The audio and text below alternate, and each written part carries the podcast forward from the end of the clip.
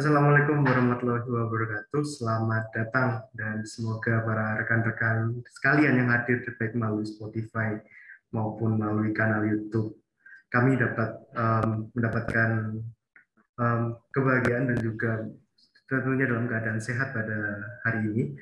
Sebelumnya selamat datang di Airlangga Law Career Fair yaitu sebuah program yang diadakan oleh Kementerian Pengembangan Sumber Daya Mahasiswa dan Kabinet Keluarga tahun 2021 di mana pada program kerja ini pada kesempatan ini kita akan bertanya-tanya pada para um, ahli di profesinya masing-masing tentang pekerjaan yang mereka geluti. Sebelumnya perkenalkan saya Samuel Christian di sini akan bertindak sebagai moderator pada diskusi pada kali ini. Um, kali ini saya tidak sendiri, tentunya tidak akan sendiri. Yang hari ini sudah ada bersama saya seorang alumni dari Fakultas Universitas Erlangga alumni yang hebat tentunya yaitu Bapak Saiful Ma'arif. Beliau merupakan kurator dan juga advokat di Saiful Ma'arif and Partners. Selamat siang Pak Saiful. Selamat siang. Apa kabar Pak? Gimana? Apa kabar? Alhamdulillah. Saya sehat selalu Pak. Semoga adik-adik semua di kampus dan juga para dosen sehat selalu semuanya ya. Amin, amin Pak. Um, mungkin um, kalau saya boleh tanya, mungkin kesibukan Pak Saiful akhir-akhir ini seperti apa, Pak? Apakah sangat sibuk akhir-akhir ini atau mungkin saya supaya bisa kedengaran di ini ya, di apa di apa namanya handset sebentar deh. Ini ngerubah handsetnya supaya bisa ini. Jangan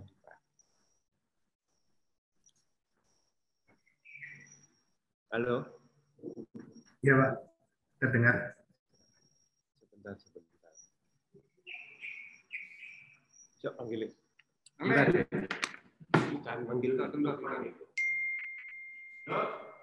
Baik, rekan-rekan sekarang kita bisa tunggu Pak Saiful sebentar ya.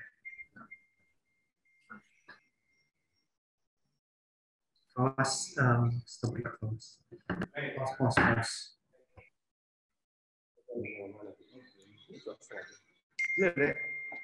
Sebentar deh. bisa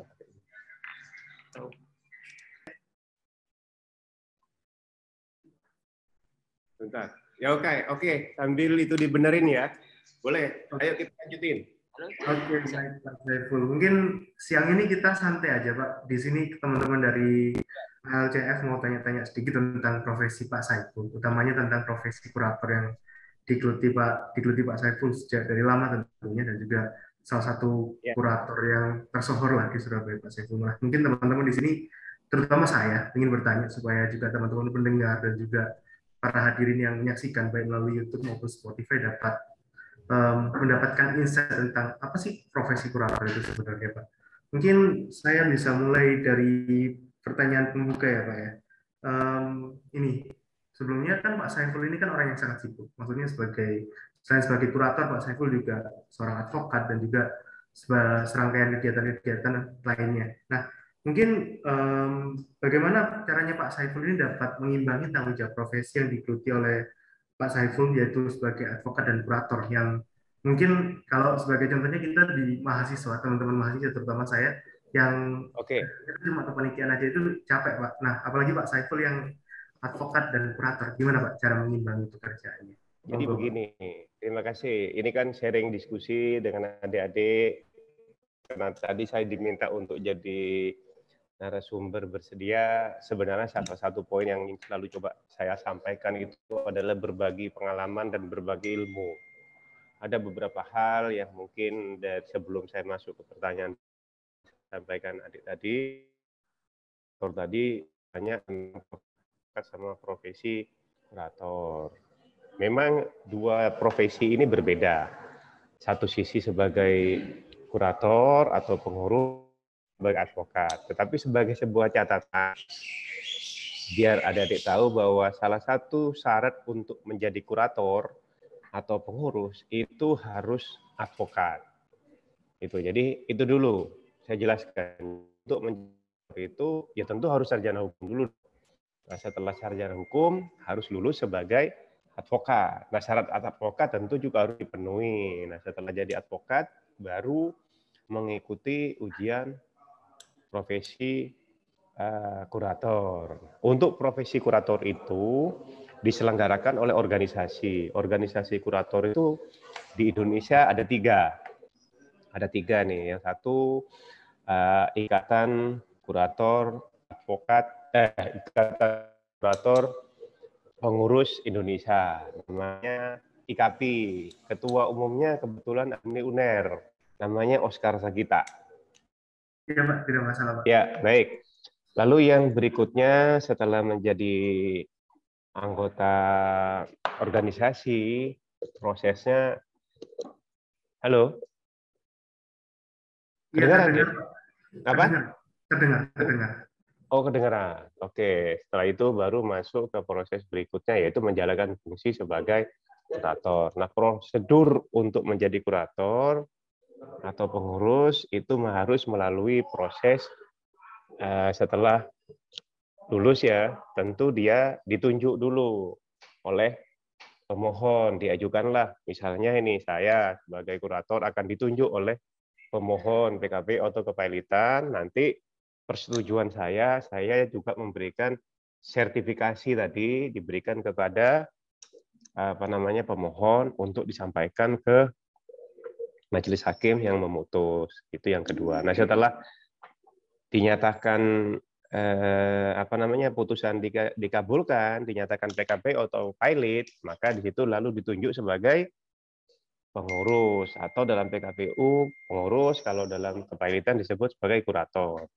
Nah, pertanyaan adik tadi terkait dengan apa namanya waktu ya, yaitu lah tinggal pintar meminit waktu. Kapan misalnya berprofesi sebagai advokat, kapan berprofesi sebagai kurator. Nah, tentu semua ada mekanisme pentingnya ngatur waktu tadi.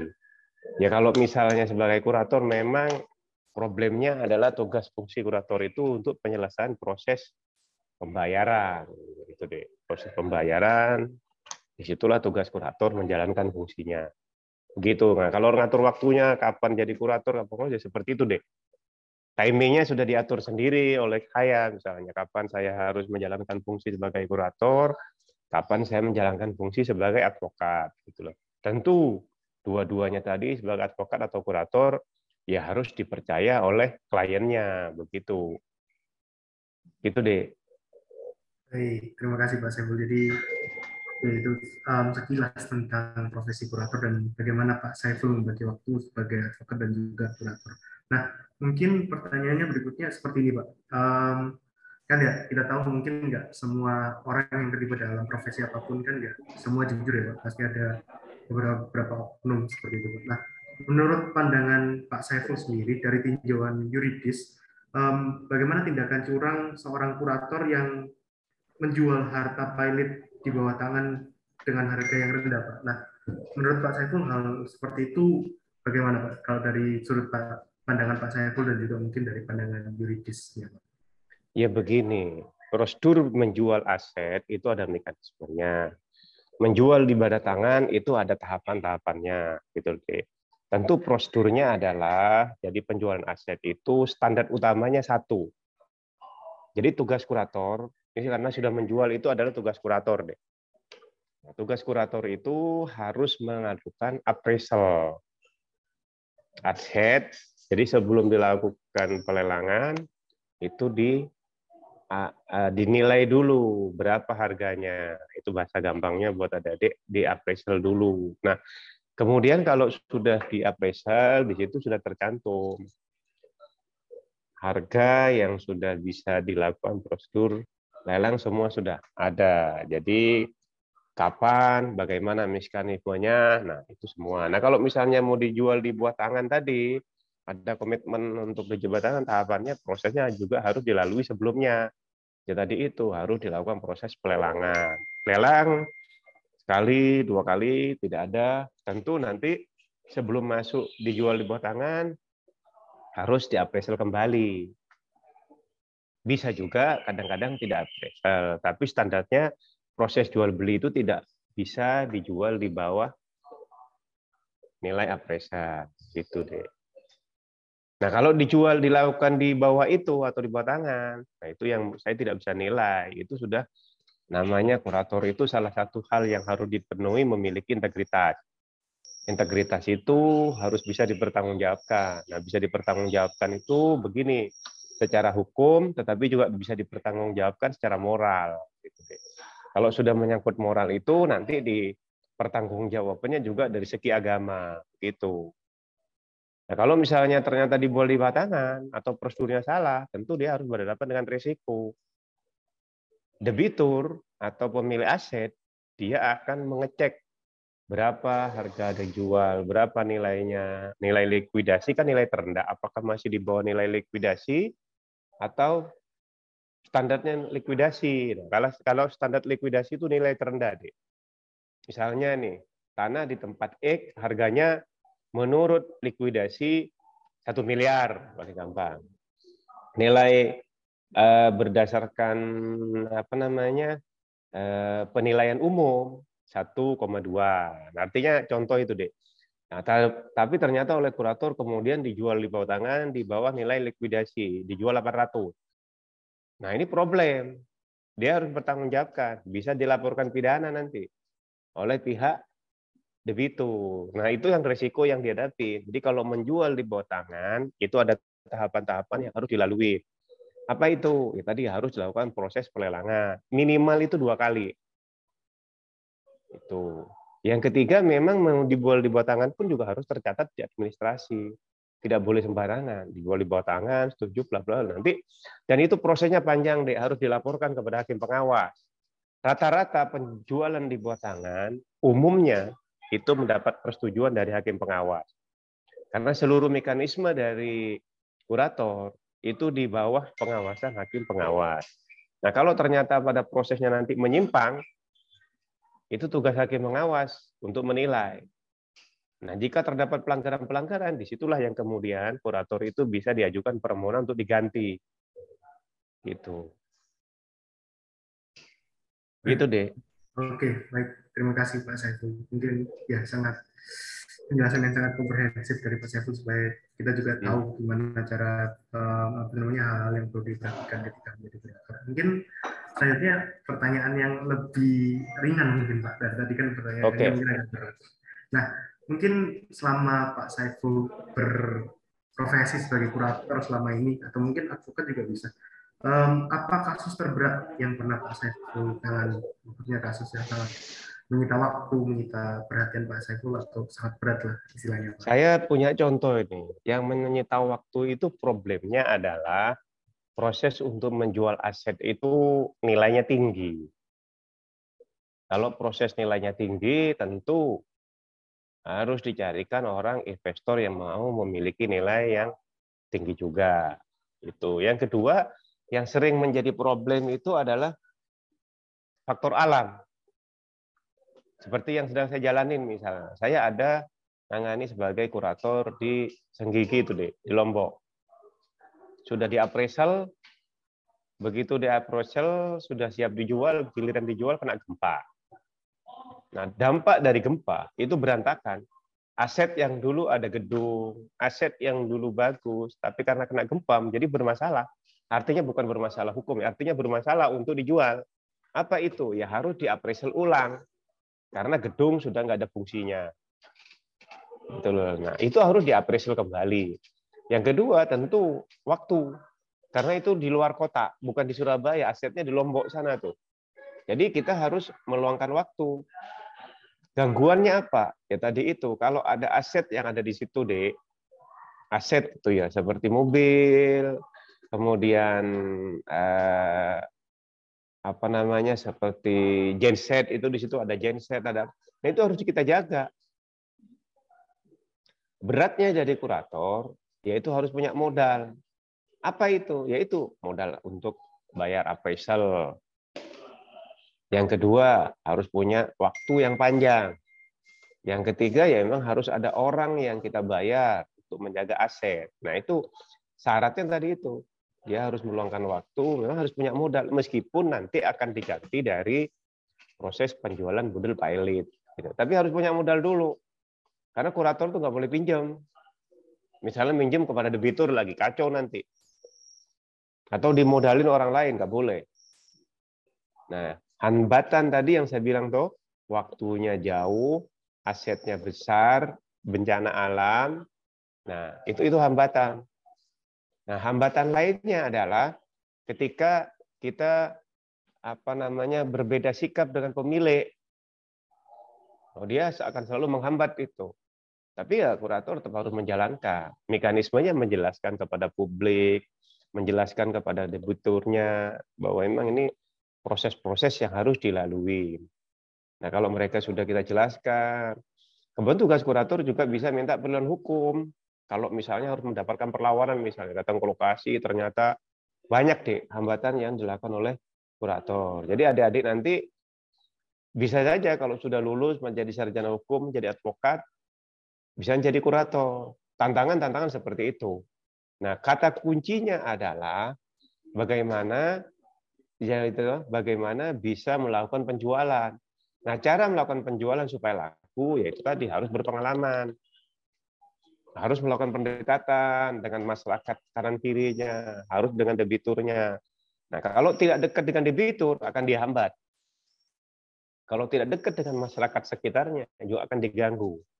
Nah, itulah salah satu yang harus kita lalui. Begitu, Dek. Baik, terima kasih Pak Saiful. Sangat insightful sekali apa yang dijelaskan Pak Saiful. Um, um, mungkin ini pertanyaan terakhir, Pak. Um, kan di era sekarang ini kan banyak banget perusahaan-perusahaan startup, perusahaan-perusahaan rintisan. Nah, um, apakah proses penanganan kepahitan suatu startup itu sama seperti penanganan pada umumnya, Pak? Atau ada perbedaan-perbedaan khusus? Uh, mungkin dari yang pernah Pak Saiful tangani atau mungkin pernah Pak Saiful pelajari atau dengar hmm, seperti ya itu. gini ada sebuah mekanisme zaman kayak sekarang seperti yang adik sampaikan tadi ada satu hal yang harus dipikirkan terkait problem pandemi ini problem pandemi ini bukan hanya mengganggu bisnis deh tetapi juga membantu tugas dan usaha dari para kurator. Kenapa? Ya faktornya tadi. Untuk menjual aset sulit karena sekarang banyak kegiatan-kegiatan yang tidak mendukung sehingga kadang-kadang investor belum mau. Itu itu itu faktor. Yang kedua memang sebenarnya mekanisme sekarang ini sudah ada beberapa kebijakan dari misalnya keputusan presiden terkait eh, untuk proses PKPU itu ada presiden pernah menetapkan bencana alam Nah, terkait dengan proses PKPU sering kali muncul di zaman seperti sekarang, begitu tidak mampu melakukan pembayaran langsung diajukan PKPU atau pilot, sering kali dinilai oleh majelis hakim. Sejak kapan dia tidak mampu melakukan pembayaran? Kata kuncinya satu, Dek. Kalau masalahnya misalnya muncul atau kemampuan tidak bayar sebelum masa pandemi, maka permohonan itu akan dikabulkan. Tetapi kalau problem ketidakmampuan bayar itu adalah karena problem pandemi, maka akan dilakukan pemeriksaan terkait kemampuan keuangannya bagaimana, mekanisme prosedur atau apa yang dilakukan.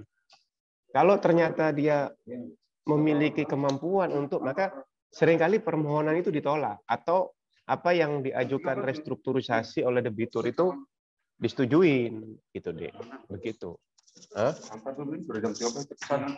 Enggak apa-apa, lo terusin aja. Ya, jam. Ya, ya, bentar.